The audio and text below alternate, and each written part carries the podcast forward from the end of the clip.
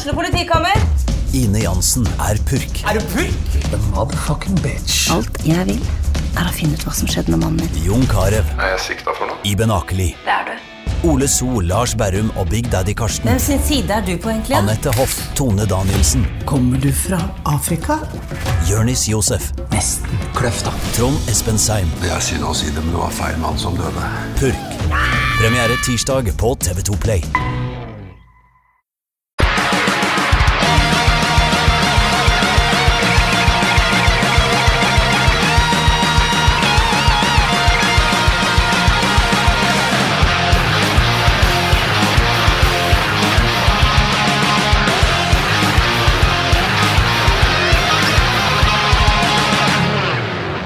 Hei, og velkommen til en ny episode av Debrif med Dag.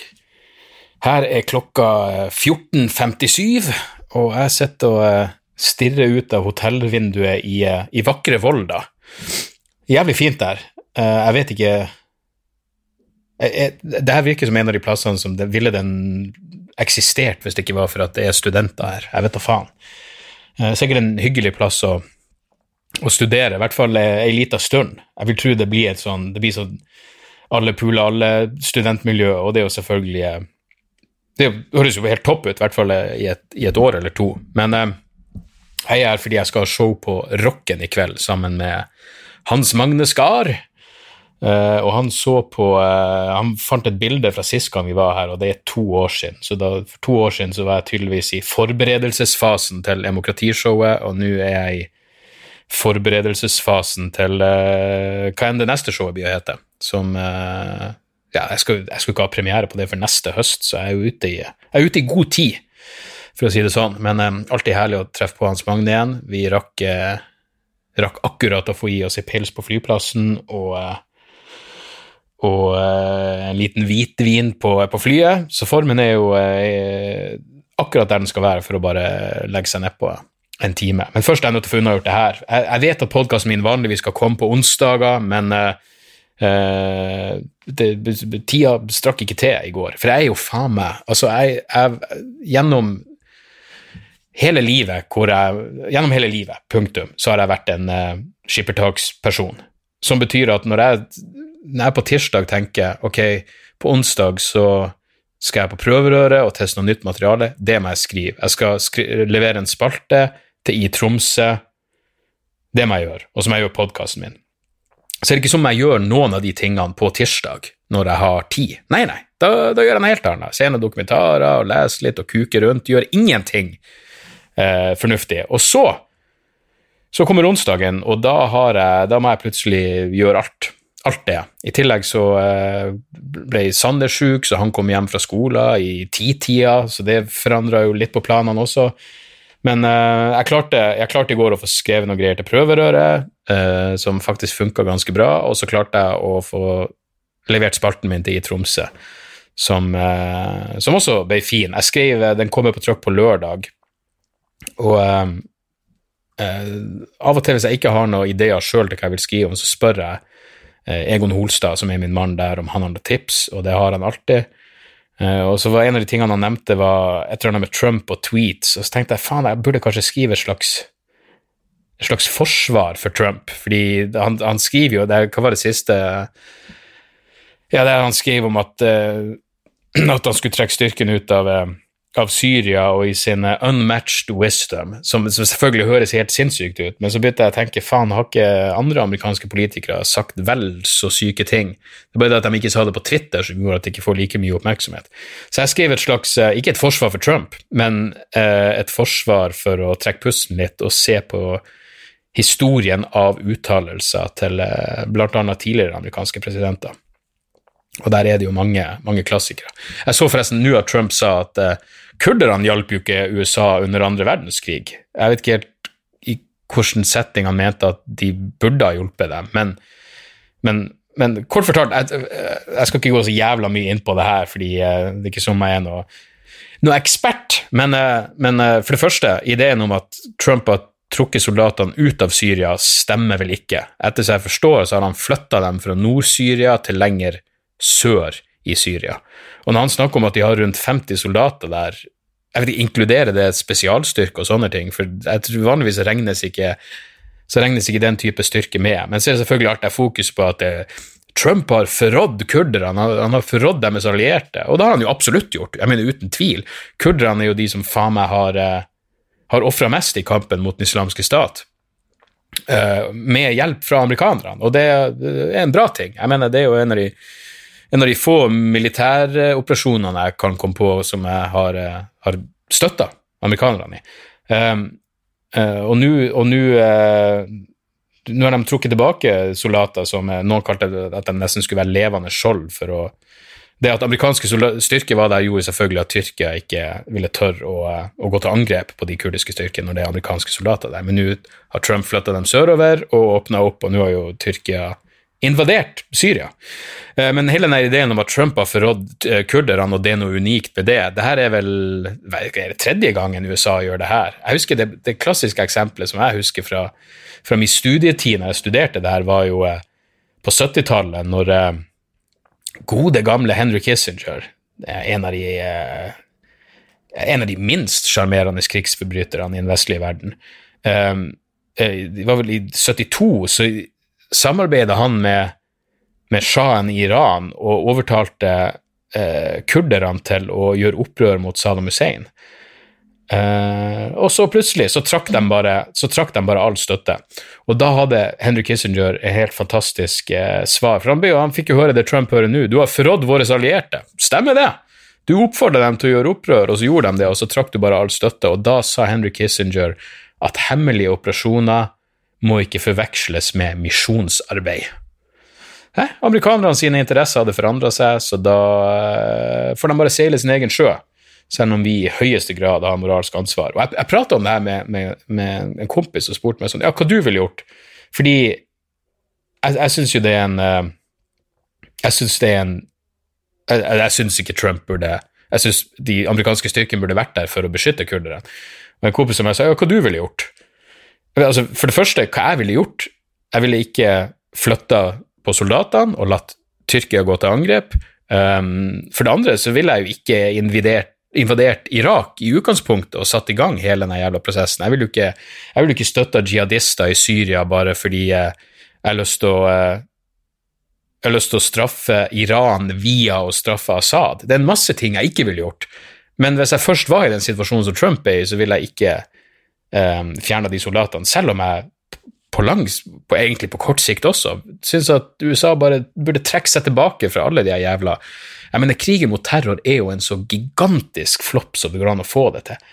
Jeg hørte um, Jeg tror det var Scott Horton. For det er det som er interessant. Både folk på høyresida, som Scott Horton, og på venstresida, som Noam Chomsky, eh, er kritiske når det kommer til det amerikanske imperiet. Men Scott Horton sa noe sånt som at eh, når krigen mot terror begynte, så var det rundt sånn 400 jihadister i Al Qaida.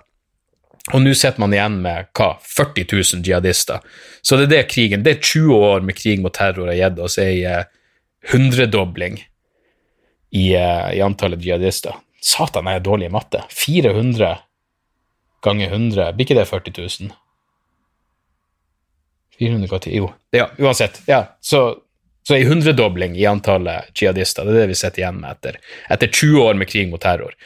Uh, men uh, ja, nei, helvete, jeg håper kurderne får, uh, tilbake. Og når det er snakk om historien, jeg hørte på Aftenposten hadde forklart podkasten om det her, og så prater de litt om forholdet mellom om kurderne og tyrkerne. Det er verdt å huske på at på slutten av 90-tallet så drev Tyrkia med ren etnisk rensing av kurdere. Samtidig så det var så, så, vi måtte liksom slå mot Slobodan Milosevic fordi det var etnisk rensing rett på NATO sine grenser. Så var det etnisk rensing innad i Nato eh, som, eh, som tyrkerne holdt på med. Så eh, Og eh, ja, jeg har allerede prata for lenge om det her, men, eh, men ja, vi, det, vi, går spennende tider eh, i møte. Det er det ingen jævla, ingen jævla tvil om. Utenom det, god verdensdag for psykisk helse. Det er jo det er jeg glad Jeg fikk akkurat en, en, en sånn Instagram-melding fra en fyr som eh, som sleit med ditt og datt, og, og her er greia bare fordi jeg, eller det at jeg har vært åpen om at jeg sliter med angst og ditt, alle de tingene det, det, jeg, jeg, har, jeg sitter ikke på noe kunnskap om hva andre folk burde gjøre i tilsvarende situasjon, for jeg vet ikke nok om den situasjonen når det kommer an på folkene. ikke sant? Jeg ordna opp i de tingene sjøl. Eh, jeg ordna opp i angsten med å virkelig reflektere hardt over hva som ga meg angst, og så prøve å fikse på de tingene. Og alle de tingene er jo dypt personlige ting som ikke er De er ikke operative i andre sitt liv. Men, uh, men, uh, men ja. Men han her fyren skrev til meg at han drikker for mye og tok for mye Sanor. Og jeg bare ja, bare der er det jo Der har du to ting du burde prøve å gjøre noe med. Kanskje prøve å få alkoholforbruket under kontroll hvis det gir deg angst, og så uh, prøve å kutte ned på angstdempende. Fordi Sanor og alt av sånn ja, angstdempende medisin, det er faen meg bare Det er virkelig plaster på kjøttsår. Altså, det, alt, det, alt det gjorde for meg, var i hvert fall å bare gjorde at jeg fikk puste ut og kjøpe Det gjorde at jeg fikk kjøpt meg tid til å tenke over hvordan jeg skulle gjøre livet mitt bedre. Jeg hadde aldri en plan om å gå på Sanor resten av livet, og nå er det vel faktisk eh, ja, i hvert fall et par år siden jeg har, eh, har tatt det. Så eh, men, men, ja, uansett. Jeg har egentlig ikke noe gode synspunkt på den uh, psykisk helsedagen. Jeg har ikke fått lest Jeg vet at Egon skrev noe om det, som står på trykk i Tromsø i dag. Eh, det var akkurat en kronikk i Dagbladet som hadde overskrifta 'Tannløst pjatt', som noen har skrevet om, eh, om det med om verdensdag for psykisk helse. Så eh, ja, jeg vet, jeg vet egentlig ikke nok, men når, noe av overskrifta 'tannløs pjatt', så får jeg lyst til å lese det. Det som gir meg mest psykiske problemer nå, er bare at det bare er én episode igjen av denne sesongen av Succession. Uh, heldigvis har jeg oppdaga Jeg husker ikke om jeg nevnte det sist gang, men Slate Money sin podkast om Succession er helt nydelig. De, de, legger merke til så jævla mye ting, for de ser episodene minst to ganger før de begynner å prate om dem. Og de legger merke til så mye sånne småting som, som jeg ikke får med meg etter å ha bare ha, um, ha sett det én gang. Men uh, Slate Money sin Succession-podkast anbefales nå så inn i helvete. Faen så bra den serien er. Utenom det, hva har man gjort? Uh, forrige uke så var det jo roast av Petter Northug i Dødens dal i Trondheim eh, foran eh, 2000 mennesker, og det var, det var, veldig gøy. Det er jo et stort eh, Husker når vi sto eh, Når vi var på vei på scenen når de forskjellige ble interessert Jeg tror, jeg tror ikke jeg gjorde det, jeg bare tenkte at jeg burde gjort det, men jeg fikk lyst til å pekke i uh, Kevin Kildahl, som sto ved siden av meg, og bare si faen, av og til så burde man bare trekke pusten og prøve å ta inn øyeblikk og tenke. Man får være med på en del ganske kule greier når man jobber med det her. Og denne typen roast er jo absolutt en av de tingene. Uh, alle gjorde vel en eh, bra jobb. Jeg syns Kevin og Malene Stavrum var, var de beste, det, men det ble for lang. Det ble for lang kveld, og her tar jeg jo selvkritikk, og jeg sto jo også altfor lenge tror faen meg jeg sto i 18 minutter, skulle stå i 10, og jeg var nest sist. Altså etter meg så var det bare Petter Northug som skulle forsvare seg. Så, så jeg bidro til å gjøre kvelden altfor lang. Men eh, det, det, hva vi var åtte stykker til sammen, det burde bare være en fem-seks, det holder det. fordi etter to timer så er det sånn du, Man begynner å gå lei. Vitsene kan være så bra som du vil, men faen, altså. Da, to timer med drittslenging, da får du lyst til å bare ta deg et pust i bakken. I tillegg var det altså så helvetes kaldt inni det teltet.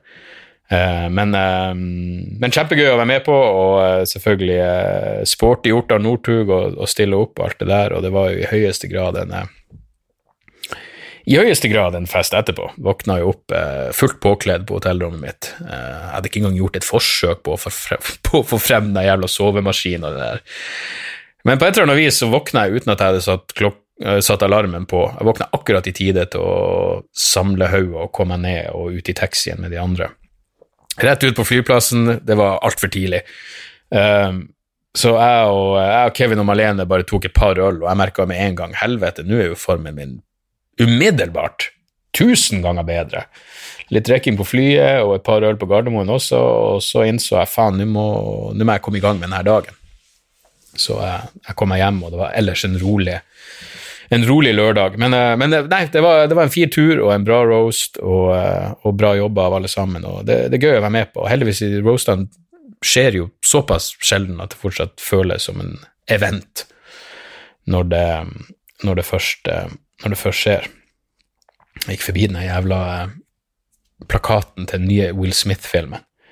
Og da, På den Gemini Man, tror jeg den heter. Og da, da er det altså to Will Smith, og i tillegg så har de skrevet Will Smith to ganger på plakaten. Det er to Altså, det, det, det eneste som er verre enn én Will Smith i en film, er jo faen meg to. Uh, Gud, for en Jeg vet du, jeg har bestandig hata Will Smith. Jeg husker han vant noe sånn jævla Yo MTV Rap Award for, for så lenge siden at jeg, at jeg så på MTV. MTV var fortsatt en kanal som sendte musikkvideoer på denne tida, og da vant Will Smith sikkert årets rappalbum. Og så gikk han opp og tok imot prisen, og så sa han 'Å, jeg har kommet meg så her langt'. Uten å bannes, uten å bruke stygge ord. Ja, du, du har garantert vunnet denne rap-awarden fordi du er en fantastisk jævla hiphop-artist. Det har ingenting med at du er en av verdens mest berømte skuespillere å gjøre. Nei, nei, nei.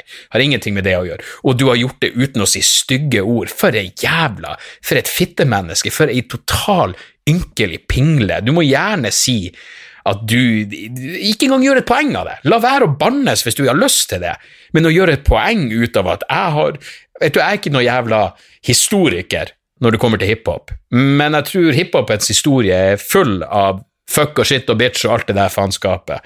Og at han skal insinuere at det at han ikke bruker sånne ord, gjør han til en jævla eh, Gjør han unik og til en, en, ja, en unik bidragsyter til hiphopens historie. For ei jævla fitte, altså. For et grusomt menneske, Will Smith. Han er så sinnssykt utrolig ekkel og besteborgerlig. Han er sånn som Og jeg pleide å se Fresh Prince i Bel-Air, men han er jo sånn som han er Cart, Cartman. Hva er han er, fucking, er han broren hans? Han er så danser. Han i, i uh, Herregud, snakker jeg nå om Fresh Prince i Bel-Air? Men han i Fresh Prince i Bel-Air så danser denne dansen. Han kom jo plutselig i media igjen fordi han saksøkte han Fortnite-spillet, fordi den Fortnite-dansen minner om den dansen som han tok i serien. Jeg vet da faen, men hele poenget der er jo at han er en uh, han er en svart amerikaner som har så jævla lyst til å være hvit og oppføre seg hvit. Det er jo fuckings Will Smith også. Gud, altså, for en øh. Jeg blir kvalm av Will Smith, og når han begynner å dra de helvetes ungene sine inn i de filmene sine også, herregud gud, jeg, jeg kommer til å unngå den Gemini Man. Det, og det kommer til å være veldig lett. Veldig lett å unngå den også. Jeg har lyst til å se det, Den filmen jeg har lyst til å se nå, er jo selvfølgelig utenom Joker, er den er Disko. Om, um, om uh, kristne sekter uh, i, i, Norge. For den virker, den virker interessant. Um, la oss For det her, det her, går jo ingen veier, folkens. jeg merker at jeg egentlig har mest lyst til å sette meg ned og se på settlista til det jeg skal gjøre i kveld. Eh, det er liksom det som er poengene med de testshowene, at jeg faktisk eh, jobber litt med ting på, eh, på forhånd. Så vi kan jo se om det var noe Bare se her om det var noen mailer. Og nei, Røkke-sak Av og til så er jeg sånn med når, når enkelte nyhetssaker bare dukker opp, og så legger jeg bare merke til at de blir en stor greie men jeg klikker meg aldri inn på dem. Jeg, jeg gjør ingenting for å, for å, sette meg inn i dem i det hele tatt.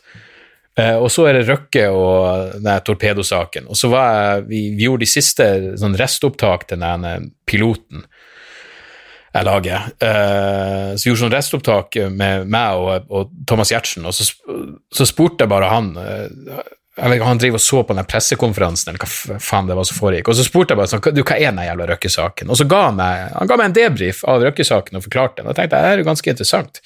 Eh, Røkke og Torpedo, fordi da jeg gjorde uh, Showman for fuckings ti år siden, så husker jeg at det jobba en fyr i redaksjonen som var tidligere Se og Hør-journalist, og han fortalte meg at han hadde skrevet et eller annet faenskap om Kjell Inge Røkke, og da hadde Kjell Inge Røkke personlig ringt han opp og trua han med at han kom til å sende en torpedo etter han hvis han fortsatte å skrive sånne her ting. Eh, og det så jeg ingen grunn til å betvile der og da når jeg fikk høre det her, og jeg ser i hvert fall ingen grunn til å, til å betvile det nå. Så um, ja, jeg burde vel kanskje føle Kanskje denne saken er interessant, for alt jeg vet. Det er bare et eller annet med. Jeg vet, På samme måte som hvis et band bare blir for populært uten at jeg har hørt dem, så er det sånn De er for populære, hvor interessant kan det være? Men det er jo åpenbart at denne, eh, at denne saken har noe noe interessant med seg. Liksom, hvem hadde trodd det at Røkke, torturprofitøren Røkke, at han skulle assosiere seg med torpedoer? Det er jo et sjokk.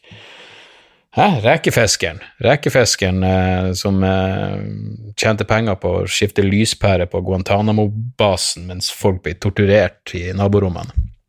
Hvem hadde trodd at han assosierte seg med voldelige mennesker. Eh, uansett Det var vel et par mailer her som jeg burde ta tak i.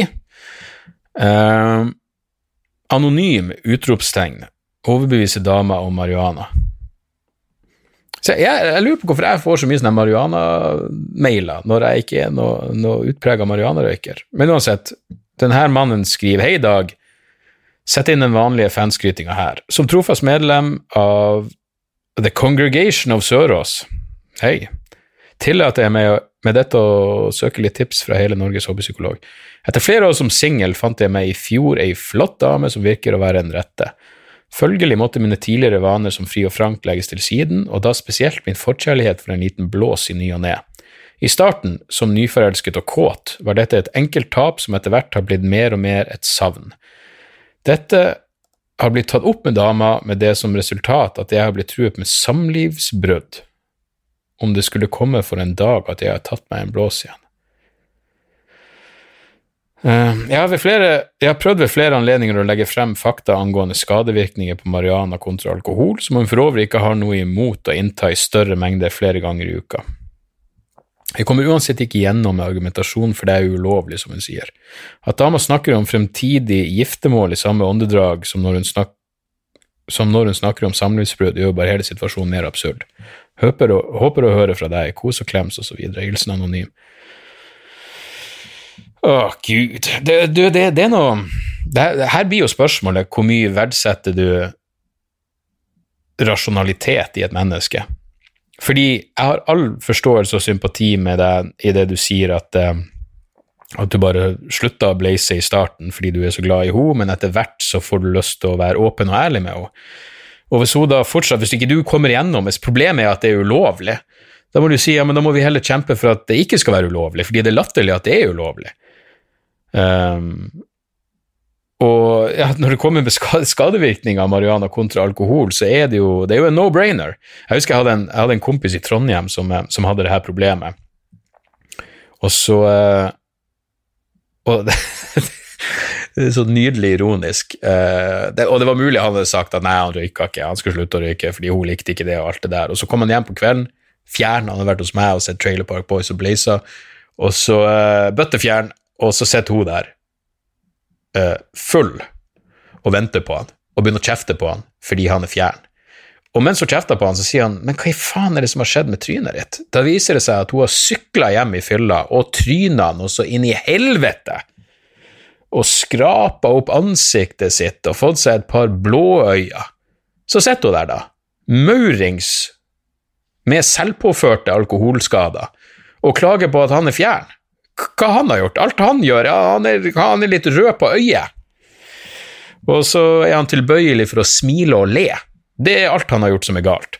Så uh, du, jeg vet ikke, mann, men det her, det her, høres ut som en sånn ting som kan make, make, or break et forhold, fordi jeg har vært i en tilsvarende situasjon en gang med det å liksom eh, bare si at ja, hvis ikke du liker at jeg gjør det, men etter hvert så blir det sånn hei, du, hvis, hvis, du skal være så irrasjonell hvis, hvis, du er villig til å gå ifra meg fordi jeg røyker, så er du da, da, er ikke det her forholdet ment å være.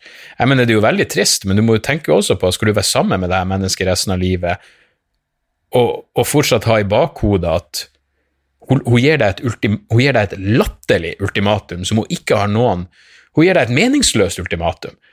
Jeg mener, Hvis hun da sier at jeg er så livredd for at du skal havne, jeg er livredd for at vi skal få barn sammen, og så skal du havne i fengsel fordi du har røyka eh, Hvis det er den linja å legge seg på, men da er det jo fortsatt noe som må kunne diskuteres.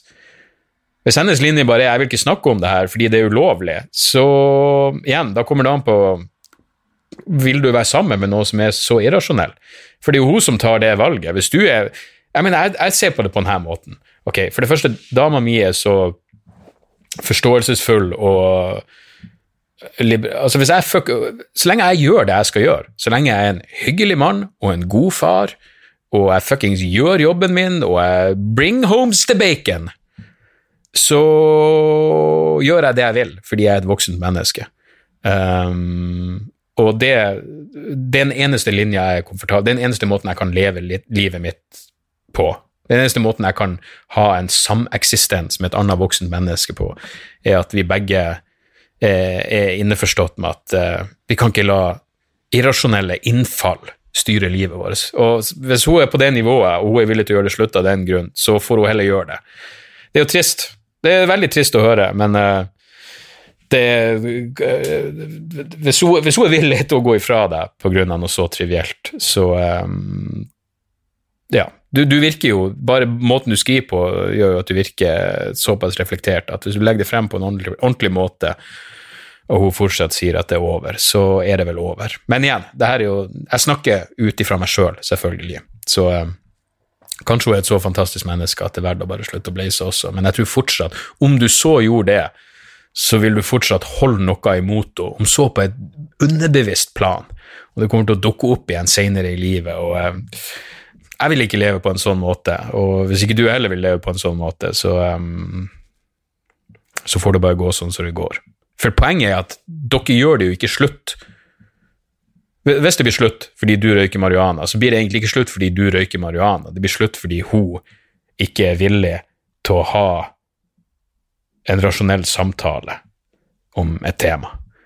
Fordi det er ulovlig. Hva er det slags jævla Ok, spør henne hva, hva, hun ville sagt hvis hun levde på, eh, på, på slutten av 60-tallet og hadde en homofil venn. Nei, jeg kan ikke, jeg kan ikke ha det, det, du gjør, er ulovlig. Hæ? Du kan ikke pule andre, du kan ikke pule menn, du kan ikke ha en mannlig kjæreste når du er mann. Det er ulovlig. Det er ulovlig. Det er ikke et fuckings argument. Til og med om du var drapsmann, så ville ikke hennes argument vært ja, men det er jo ulovlig, derfor må vi gjøre det slutt. Nei, det er umoralsk å ta livet av folk. Det er ikke umoralsk å røyke marihuana, bare fordi det er ulovlig.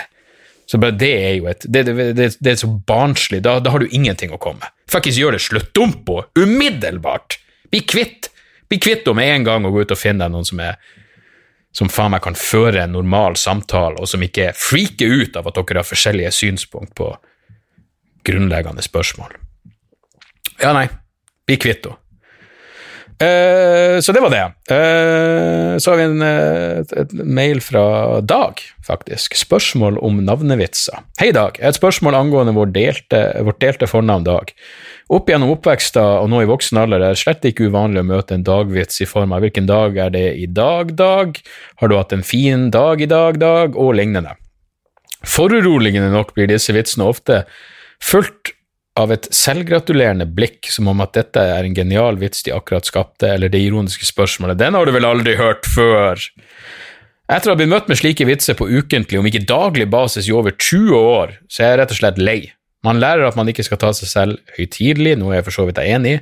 Jeg blir ikke fornærmet per se, men jeg merker at i det øyeblikket enda en slik vits blir kasta ut i eteren, så mister jeg ofte mye, mye, om ikke all respekt for vedkommende som sier den. Dette skjer ofte i første møte med folk, og det nesten blir en slags filter for meg. One strike and you're out. Plutselig blir ikke denne personen interessant for meg lenger. En ting jeg husker vi lærte i barnehagen, var at en vits ikke var like morsom når den blir fortalt tusen ganger etter hverandre. Spørsmålet er da er jeg en selvhøytidelig jævel som burde le med dem når de forteller en slik vits? Skal jeg unnskylde hver eneste dildo som sier noe sånt? Jeg er sikker på at eh, det, det der er fra Dag, og det, det, det kunne vært jeg som skrev det her. Uh, skal jeg unnskylde hver eneste dildo som sier noe sånt med at de sikkert ikke vet hvor ofte det blir fortalt eller ikke? Selvhøytidelig jævel eller uviten dildo? spørsmålstegn. Antar du selv har kommet opp i samme problemstilling en gang eller to? Tusen takk for podkasten, forresten. Keep up the good work. Det er alltid en hyggelig lyspunkt på dagen når en ny episode kommer ut. Med vennlig hilsen Dag. Du, Dag, her, er, hvordan jævla omgangskrets er det du har? Hvordan havner du i situasjoner hvor den der jævla vitsen blir dratt på en daglig, eller om så ukentlig basis? For jeg kan huske at jeg fikk den i oppveksten hele tida, av andre barn. Heter broren din Natt? Alt det der pisset. Men i voksen alder? Jeg mener, Hvis et voksent menneske sa den vitsen til meg, så ville jeg bare Jeg ville ikke reagert. Jeg ville bare gått og aldri mer forholdt meg til det mennesket igjen. Fordi de har ingenting å komme med. Hvis et voksent menneske sier til deg 'Hei, er du Dag? Hvordan dag er det i dag, Dag?' så burde de ta sitt eget liv der og da.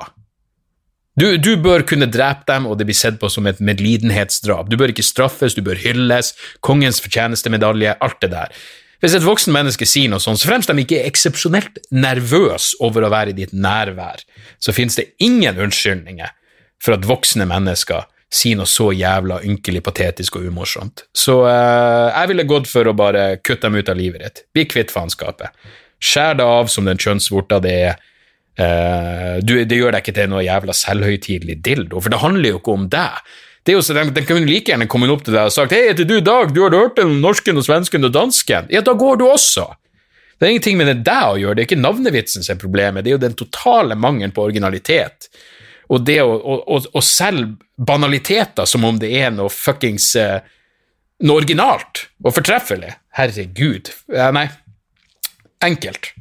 Uh, bli kvitt faenskapet. Det eh, Det høres rett ut. Um, ja, der var vi på halvtimen. Jeg tror vi skal uh, Faen, hvor jeg, jeg, Dere fikk nå i hvert fall svar på de her spørsmålene. Jeg bare blir, uh, begge, de her, begge de her tingene er tydeligvis noe som traff en nerve hos meg. Men jeg har virkelig ikke hørt den her 'Hvordan dag er det i dag', Dag, og heter broren din Natt siden jeg var barn, så faen, du uh, Nei, du må gjøre noe med omgangskretsen eller jobben din, for jeg vet ikke hvor du treffer på folk som fortsatt, fortsatt sier, sier, sånne ting. Um, jeg har et par korte tips. Uh, for det første, uh, på vei fra På vei fra På fredagsmorgen, forrige fredag, så satt jeg på flyplassen i Tromsø og skulle videre til Rosen i Trondheim, og så leste jeg, som jeg alltid gjør, Feedback som er i Tromsø si musikkside. Der hadde godeste Egon Holstad igjen en anmeldelse av en EP som heter Prologue av Tone Bringsdal. Og han skrev så varmt om den at jeg sjekka den ut umiddelbart, og endte opp med å bare høre den på repeat. Hele jævla turen til Trondheim, og jeg har hørt den daglig. Det er fire låter, men de er helt fantastiske. Tone Bringsdal er helt jævla Det er gull. Det er jo country-americana, hva enn man skal kalle det. Det er som en eh, kvinnelig Torgeir Valdemar, egentlig, og jeg lurer på om han har spilt med henne live, eller de har noe connection der, men helt, helt fantastisk. Eh, alle fire låtene er, er et fuckings rent gull, særlig den siste, som heter Man. Den er sånn, Jeg kan høre den uh, åtte ganger hver dag, glatt. Det var det siste jeg hørte før jeg begynte å gjøre denne podkasten, var låten Man av Tone Bringsdal. Så den, den EP-en kan ikke anbefales varmt nok. Uh, og jeg vet også at hun har noen sånn releasekonsert på Last Train uh, i Oslo senere denne måneden. Uh, jeg hadde egentlig en jobb da, og så ble den kansellert, så nå skal jeg gjøre faen meg gjøre mitt ypperste for å få med meg den konserten, fordi jeg er hekta. Hun er helt genial, og det skal bli det skal bli helt konge å følge, følge hennes karriere videre. Så Tone Bringsdal, prolog, sjekk den ut så fort som gjelder mulig. Og så har jeg lest en bok som heter The Madness of Crowds av Douglas Murray, som er en kontroversiell mann. Hans forrige bok, The Strange Death of Europe, var ei immigrasjonskritisk bok som ja, Det var mye kontrovers rundt hans bruk av kilder og statistikk, og, og han er jo Han er på høyresida. Han er en konservativ mann. Han er ikke noe rasist. Absolutt ikke. Men vil, jeg, vil, jeg vil ikke lest ei bok av en fuckings rasist. Det er uinteressant for meg. Uh, men jeg leste The Strange Death of Europe, og um, jeg skifta litt syn på den etter, um, etter å, ha lest de diverse kritikkene. Den nye boka hans handler om uh, Hva faen er den heter? Rase Race, gender Race, gender, sexuality, tror jeg, eller noe sånt. Den heter Gender, Race and Identity. Og det er jo egentlig en slags oppsummering av eh, der identitetspolitikken går for langt, og alle de sakene man har vært borti i Middlebury College. Og, eh, men, men, argumentet hans er liksom at uh, i sin iver For det første, sånn som med feminisme, så har liksom språkbruken av hardna til jo mer likestilling det har blitt. Um, også ifølge i, i, forhold til rasespørsmålet um, i, ja, primært i USA, da liksom, jo bedre ting blir, jo mer krisemaksimering blir det. Og selv om det fortsatt er utfordringer, både når det kommer til kjønn og rase, selvfølgelig, så er det liksom ingen anerkjennelse av at ting er blitt adskillig bedre. Um, og bare den ideen om at du kan si at du lever i en voldtektskultur i et uh, moderne vestlig land, er jo ganske, ganske absurd. Så den boka den er morsom.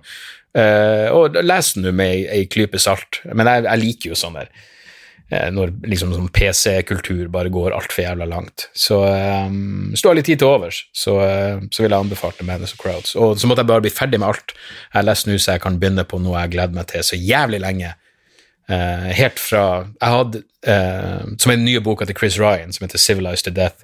For jeg begynte å prate om sivilisasjonskollaps på scenen, og jeg tror denne boka er en inspirasjon jeg trenger. Og jeg har faktisk hatt T-skjorter med coveret til denne boka i et par år. Han ga ut ei T-skjorte, 'Civilized to Death'-T-skjorte, lenge før han en gang var i nærheten av ferdig med å skrive boka.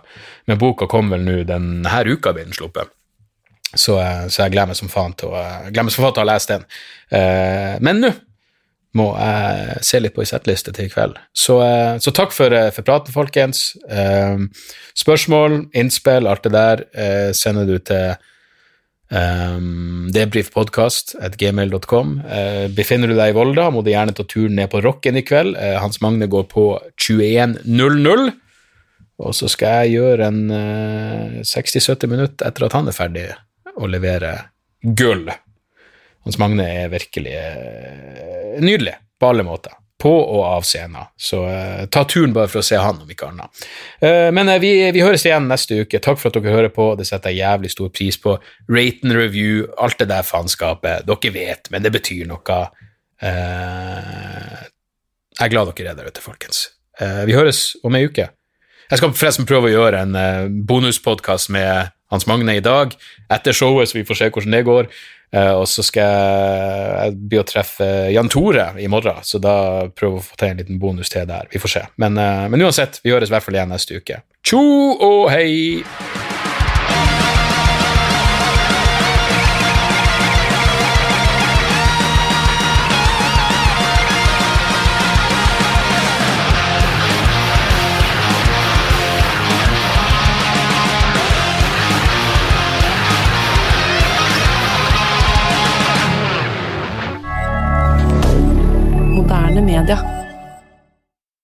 Da er det reklametid, og ukens annonsør er fiken.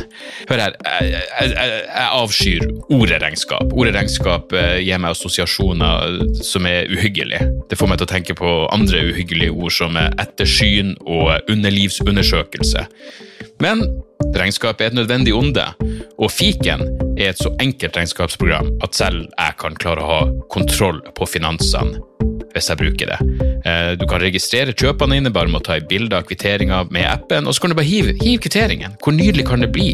Og Fiken forholder seg også til regnskap med overkommelige ord. Det er ikke masse overkomplisert økonomisk terminologi. De kaller det kjøp og salg i stedet for hva enn de kaller det på BI. Og du kan, eh, du kan få fiken til å sende purringene dine, sånn at du slipper å gjøre det sjøl. Slipper du de der flaue øyeblikkene hvor du må skrive 'unnskyld meg, men det står noe utestående her, kan du fikse det fortest mulig', eller må jeg sende, sende mafiaen etter deg? Nei, fiken fikser det, så kan du skylde på algoritmene. Du slipper dårlig stemning. Jeg syns det er utrolig greit å slippe å styre med sånne ting sjøl, og nå kan du prøve fiken gratis i 30 dager. Hva, hva har du å tape? Bokstavelig talt ingen verdens ting. Så gå inn på fiken.no og prøv fiken gratis i 30 dager. Ok? Det var det så vanskelig.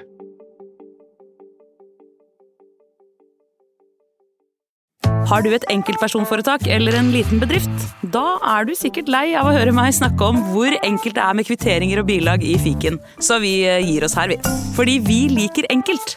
Fiken superenkelt regnskap.